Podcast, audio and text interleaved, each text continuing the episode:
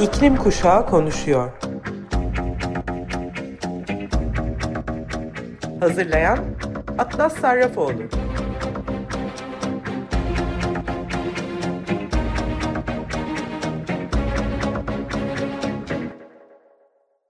İklim Kuşağı Konuşuyor programına hepiniz hoş geldiniz sayın Açık Radyo dinleyicileri. Bugünkü İklim Kuşağı Konuşuyor programına Finley Pringle'la başlayacağız. Kendisiyle yaptığım röportajı sizlere okuyacağım. Finley Pringle, Ulapul, İskoçya'dan 12 yaşında bir öğrenci. Deniz koruma gönüllüsü, iklim aktivisti, Sea Shepherd ve Ulapul köpek balığı temsilcisi. 2018'de iklim grevine başlayan ilk Britanyalı oldu ve hala haftalık grevlerine devam ediyor. Finley en çok köpek balığı kampanyalarında tanınıyor. Köpek balıkları onun en sevdiği deniz canlısı, çoğu insan da ona Fin diyor. İklim grevine nasıl başladın? İlham kaynağın neydi? İklim grevine 14 Aralık 2018'de başladım. Greta gibi diğer Avrupalı okul çocuklarının yaptıklarından ilham aldım. Denizin kıyısında yaşıyorum. Bu yüzden ana ilham kaynağım tam yanımda. Deniz yaşamına olan sevgim ve onunla bağlantım, suda zaman geçirmem, okyanuslarımızın ve gezegenimizin karşı karşıya olduğu bu büyük sorunların ne olduğunu görmemi sağladı. Jacques ünlü bir sözünde sadece sevdiğimizi koruyoruz demiş. Okyanusları ve orada yaşayan tüm canlıları seviyorum ve onları aşırı sömürü, plastik kirliliği ve iklim değişikliğinden korumak için savaşacağım. İklim grevleri hayatını nasıl etkiliyor? Grevlere başladığından beri hayatında ne gibi değişiklikler oldu? İklim grevleri yapmaya başladığımdan beri ailece yaşam tarzımızda birçok kişisel değişiklik yaptık.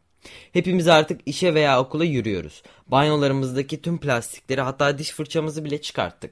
Sadece yerel ürünleri satın almaya ve mümkün olduğunca az plastik ambalajlı ürünleri seçmeye çalışıyoruz. Mümkün olduğunca palmiye yağı içeren ürünlerden kaçınıyoruz. Enerji tedarikçimiz elektriklerini yenilenebilir enerji şirketlerinden temin ediyor. Şimdi neredeyse tamamen vejetaryen bir diyet uyguluyoruz ve son zamanlarda hibrit bir elektrikli araba aldık. Mümkün olduğunca geri dönüşüm yapıyor ve mümkünse ikinci el kıyafetler almaya çalışıyoruz. Hiçbir şekilde mükemmel değiliz. Ancak dünyanın nüfusunun %1'inin her şeyi mükemmel bir şekilde yapmasına değil, dünyanın %99'unun kaynak üretimine ve tüketimini mümkün olduğunca azaltmak için ellerinden geleni yapmaya ihtiyaç var. Sea Shepherd Conservation Society'de bir köpek balığı elçisisin. Ancak Bear Grylls karşı konuştuğun için Amerikalı yardım kuruluşu Shark for Kids tarafından genç köpek balığı elçisi rolünden çıkarılmıştın. Tam olarak sorunun ne olduğunu bize anlatabilir misin? Aslında Bear Grylls köpek balıklarıyla dalış yapılan eğlence etkinliklerinden birinin de bulunduğu Yüksek Heyecan Macera Parkı'na adını vermişti. Ne var ki bu köpek balıkları halkın dalış yapabildiği küçük bir tankta tutuluyorlardı. Köpek balıkları akvaryumlarda yaşayamaz. Onlar için oldukça stresli bir ortam ve bu nedenle ömürleri kısaldığı ve üreyemedikleri için vahşi doğada düzenli olarak yenileriyle değiştirmeleri gerekir. Her yıl yıldırım nedeniyle daha fazla insan ölse de bu dalış deneyimi ölümcül ve tehlikeli olarak ilan ediliyordu. Köpek balıklarının bu ticari sömürüsüne köpek balıkları hakkındaki kötü efsaneyi devam ettirmesine ve tamamen yanlış mesajı vermesine çok kızgındım. Bear Grylls sosyal medyada bir izci şef olarak çevre korunması konusunda çocuklara daha iyi örnek olmamız gerektiğini anlatan bir şikayet metni yazdım. Bu Shark for Kids tarafından elçilik rolümden çıkarılmama yol açtı çünkü yasal konulardan endişe ediyorlardı.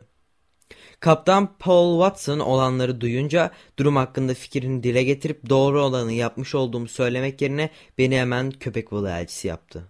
Neden köpek balıkları konusuyla bu kadar ilgilisin? İklim krizinin denizlerdeki etkisi ne oluyor? Köpek balıklarına odaklandım çünkü onlar film yapımcılarının gösterdiği gibi Hollywood canavarları değiller. Bu onlar hakkındaki çok olumsuz bir izlenim veriyor ve insanları korkutuyor. Yaklaşık 400 milyon yıldır varlar ve en üst düzeyde avcılar. Okyanuslarda yaşamın şekillenmesine yardımcı olduklarından ancak insanlar nedeniyle balıkçılık ve iklim değişikliği yoluyla hayatın boyunca kolayca soyları tükenebilir. Bizim korumamıza ihtiyaçları var. Köpek balıklarından korkmak yerine köpek balıkları için korkmalıyız. Okyanuslarımız aşırı sömürü, plastik kirliliği, artan okyanus sıcaklıkları ve asitleşmeden dolayı korkunç risklerle karşı karşıya. Oksijen üretme ve karbondioksit depolama yetisini kaybediyor. Her gün okyanuslarımıza yaklaşık 8 bin ton plastik giriyor. Bu devam edemez. Tek kullanımlık plastiğe olan bağımlılığımızı azaltmalıyız. Gıda zincirine giren mikroplastikler insanlar üzerinde henüz bilinmeyen sağlık sorunlarıyla sonuçlanıyor. Geçen yıl okyanus ısınması nedeniyle büyük set resifinin %30'undan fazlasını kaybettik. Bir an için gezegendeki en büyük, en karmaşık organizmanın insan etkisi nedeniyle ölmekte olduğunu düşünün. Okyanuslarımız gezegenimizin %70'ini kaplar. Şu anda soluduğumuz oksijenin %50'sinden fazlasını üretir ve insan kaynaklı karbondioksitin %50'sinden fazlasını emer. Gezegenin yağmur ormanlarına göre çok daha fazla gerçek akciğerleridir. Okyanuslarımız insan etkisinin yarattığı neredeyse tüm gezegenin sıcaklık artışını emdi.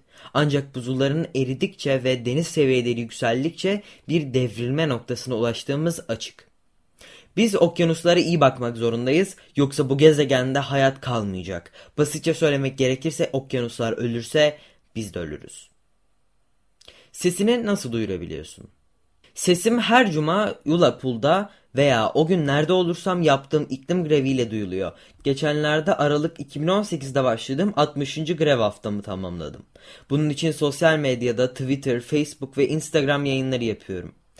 Bu da bana röportaj yaparak herkesi okyanuslarımız ve köpek balıklarımız hakkında bilgilendirmek ve sesimizi duyurabilmek için medyanın gazeteler, radyolar ve televizyonların dikkatini çekmemde yardımcı oldu. İklim ve acil durum konusunda politikacılarla doğrudan konuşmalar yapmak için İskoç ve Avrupa parlamentolarına davet edildim. Konferanslara gidiyorum ve birçok insanla köpek balıkları ve iklim hakkında doğrudan konuşuyorum. Son zamanlarda eğitim alanında çok önemli bir bilgi tedarikçisi olan Twinkle ile köpek balıkları ve iklim değişikliği hakkında bazı okul kaynakları oluşturmasına yardımcı oldum. Bu kaynaklara İtalya ve Yeni Zelanda'ya okullara ulaşarak kullanılmaya başlandı. Hatırlanması gereken şey önemli olanın kişiler veya şöhret değil mesajın yayılıyor olmasıdır.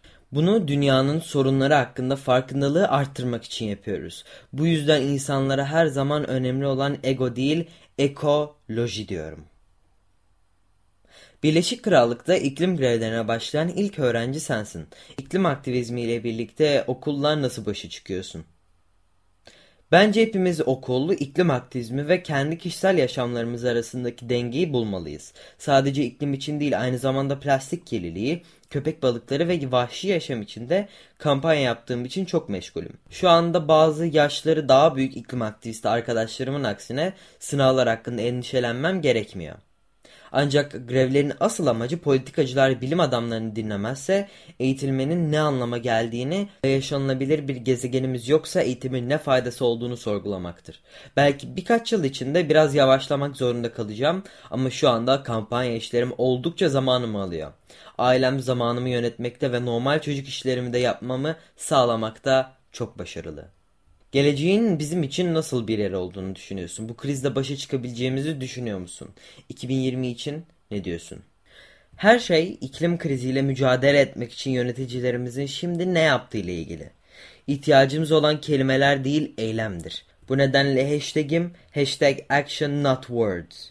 Şu anda yenilenebilir enerjiye düzgün yatırım yapmak yerine uzay istasyonları inşa etmek, havalimanlarını genişletmek, yeni kömür madenleri açmak ve petrol arama fonlarını finanse etmek gibi bizi geriltecek eylemler yapılmakta. Eğer dünya liderleri iklim için harekete geçmezlerse çok yakında saldırganlıkla dolu bir dünya olacak. Hepimiz gezegene yardım etmek için yaşam şekillerimizde kişisel değişiklikler yapabiliriz. Ancak iklim acil durumunu çözmek için ülkelerin çalışma ve iş yapma biçiminde büyük sistem değişiklikleri yapmamız gerekiyor ve bunu şimdi yapmamız gerekiyor liderlerimizin gelecek nesiller için bir aciliyet duygusu geliştirmesi ve kutuyu tekmelemeyi bırakması, sorumluluk almaktan ya da sonuçlarıyla karşılaşmaktan kaçınmak amacıyla ve verilmesi gereken kararını tercihen bir başkası tarafından verileceği ümidiyle ertelenmesi anlamında bir deyim gerekiyor. Bu gemiyi çok geç olmadan geri döndürmek için 10 yılımız var. 2020 okyanusların yılıdır. Bu yüzden umarım bu dünyanın bu gizli az keşfedilmiş bölümünün gezegenimizin sağlığı için ne kadar önemli olduğunu fark etmesini sağlayacaktır. COP26'nın Kasım ayında İskoçya'da yapılması bekleniyor. Umarım bunu ülkemizi iklim acil durumu konusunda ciddi adımlar atmaya zorlamak için bir fırsat olarak kullanabiliriz. Türkiye'de iklim eylemlerine başlamak isteyen insanlara söylemek istediğin bir şey var mı? Paylaşmak istediğin herhangi bir öneri veya ipucu var mı? Başlamaktan korkmayın. İklim hareketine katılmak için asla geç değildir. Greta'nın dediği gibi eylemle umut gelir. Belki yerel iklim grevine giderek başlayın ve eğer çevrenizde bir grev yoksa yaptığım şeyi yapın ve kendinizinkini yaratın. Vazgeçmeyin, sıkı çalışın ve bu iş azim gerektirir. Yalnız kalmayın, size destek ve yardım verebilecek diğer iklim grevci ve gruplara ulaşın. Koordine eylemlere katılmak daha az yalnız hissetmenize yardımcı olur. Konuştuğunuz gibi davranmayı unutmayın kendi hayatınızı nasıl yaşadığınıza, ne yediğinize, kaynakları nasıl tükettiğinize ve nasıl seyahat ettiğiniz gibi konularda başkalarına iyi örnek olun. Yarın Dünya Çevre Günü ve ne yazık ki bunu artık kutlamayacak bir durumdayız. Asıl gerekli olan çevremize yaptığımız talana dur demek. Youth for Climate Türkiye ekibinden bir grup aktivist bir araya gelip artık nasıl bir dünya görmek istediğimizi sizlere iletmek için kayıt yaptık. Önce bunu dinleyelim. Durun geçmeyin, bizi dinleyin. Felaketlerin peş peşe yaşandığı bir dönemdeyiz ve gelecek çok korkutucu. Büyük bir krizin içindeyiz. İklim değişikliği bizim gerçeğimiz ve kabusumuz. Ve şu anda yaşanıyor. 1.2 derece bizim için zaten bir cehennem. Bunu anlayabiliyor musunuz? Bunun hakkında siz ne yapabilirsiniz? Bunu size anlatalım. İklim değişikliği şu anda hayatlarımızı etkiliyor. Afetler günlük hayatımızın bir parçası haline geldi. Baktığımız her yerde yıkıcı felaketlerle karşı karşıyayız. Ani hava değişimlerinden dolayı yaşanan felaketler evlerimizi yıkıyor, tarım alanlarını yok ediyor, gıda üretimini tehdit ediyor. Geçim kaynaklarımız yok oluyor. Bunu neden anlamıyorsunuz? Yoğun kuraklıklar mahsullerimizi kurutuyor, dolayısıyla gıda fiyatları artıyor. Su kaynakları kuruyor ama yine de herhangi bir eylem görmüyoruz. Kızgınız. Görmezden gelinmiş hissediyoruz.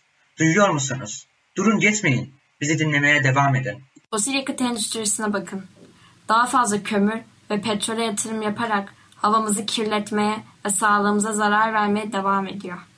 Liderlerimiz endüstriyel tarımı desteklemeye ve zararlı pestisitler ve kimyasal gübre kullanımı gibi uygulamalara devam ediyor. Ve bu da atmosferdeki sera gazı emisyonlarını giderek arttırıyor. Plastikler gezegenimiz için en büyük çevresel sorunlardan biri olmaya devam ediyor. Karadaki yaşamı ve su altındaki yaşamı tehdit ediyor. Hükümetler maalesef bu krizi göz ardı ediyorlar. Bir de üstüne Avrupa'nın ilk sıradan plastik ithalatı ile ülkemiz plastikler altında boğulmaya devam ediyor. Ancak çok daha büyük bir kriz var. Ülkemizde krizin ön cephesinde bulunanlar dinlenmiyor. İklim değişikliği kırsalda yaşayan toplulukları orantısız bir şekilde etkiliyor. Yerli halklar topraklarını kaybediyor. Maden çıkartma bahaneleriyle İkizdere örneğinde gördüğümüz gibi doğup büyüdükleri evleri yok ediliyor. Kömürlü santrallerden dolayı zehirlenmeye maruz kalıyorlar. Anadolu'da köylüler şu anda iklim değişikliğinin gazabıyla kuraklık, seller, toprak kaymaları, sıcak hava dalgaları ve kasırgaları yoğunlaştıran ve gün geçtikçe artan küresel sıcaklıklar hava düzenlerini de bozuyor.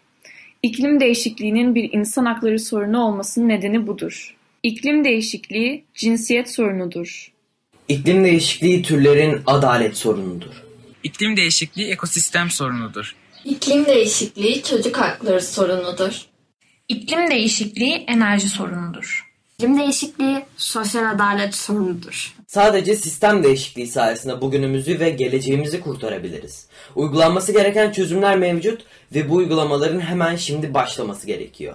İnsanların ve gezegenin karın üstünde olduğu plastiksiz bir dünya istiyoruz. Fosil yakıt endüstrisinin olmadığı bir dünya. Herkes için sürdürülebilir enerjiye geçiş mümkün ve şimdi hemen başlaması gerekiyor.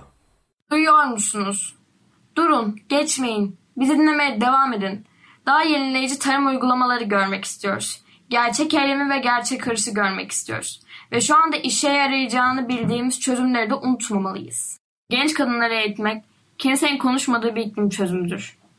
Küresel ısınmayı bir buçuk dereceyle sınırlamak istiyorsak gezegenimizin ve insanların refahı ile ilgili karar alma noktalarında kesinlikle daha fazla kadın lidere ihtiyacımız var. İklim krizinin en çok etkilendiği bölgelerde daha fazla aktivistlerin seslerine ihtiyacımız var. Ve bu aynı zamanda sistematik ayrımcılığa son vermek anlamına da geliyor. Irksal eşitlik olmadan iklim adaletine sahip olamayız. Sosyal adalet olmadan iklim adaletine sahip olamayız. Okullara iklim eğitimini dahil etmek de önemlidir. Böylece çocuklar hepimizin doğayla olan bağını öğrenirler. Doğa temelli çözümleri olan ihtiyacımızı unutamayız. Hayatta kalma şansı istiyorsak biyolojik çeşitliliğimizin ve ekosistemlerimizin korunması gerekiyor. Çünkü bunlar en önemli yaşam destek sistemlerimiz. Umudumuz var. Şu anda içinde bulunduğumuz pandeminin ötesinde daha büyük krizlerin bizi beklediğini bilin. Bir dinlemeyerek bu umudu elimizden almayın. Geleceğimizi yakarak onu elimizden almayın. Şimdimiz ve geleceğimiz sizin kararınıza bağlı. İklim acil durumuyla yüzleşmenin zamanı geldi. Hemen şimdi insanlar ve gezegen için eylem zamanı. Biz değilse kim? Şimdi değilse ne zaman?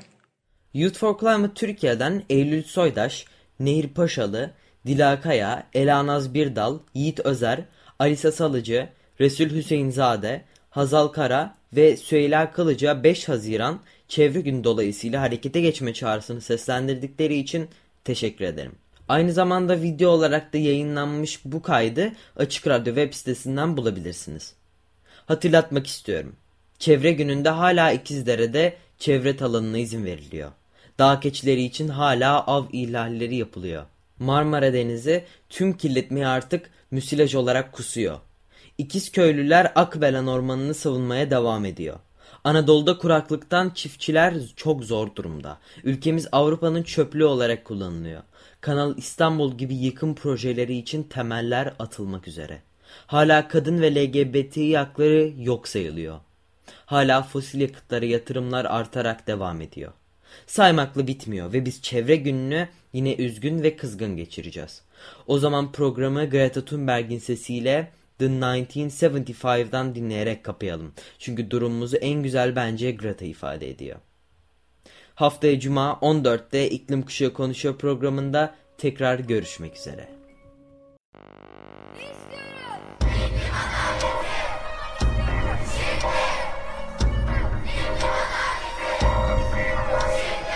İklim Kuşağı konuşuyor.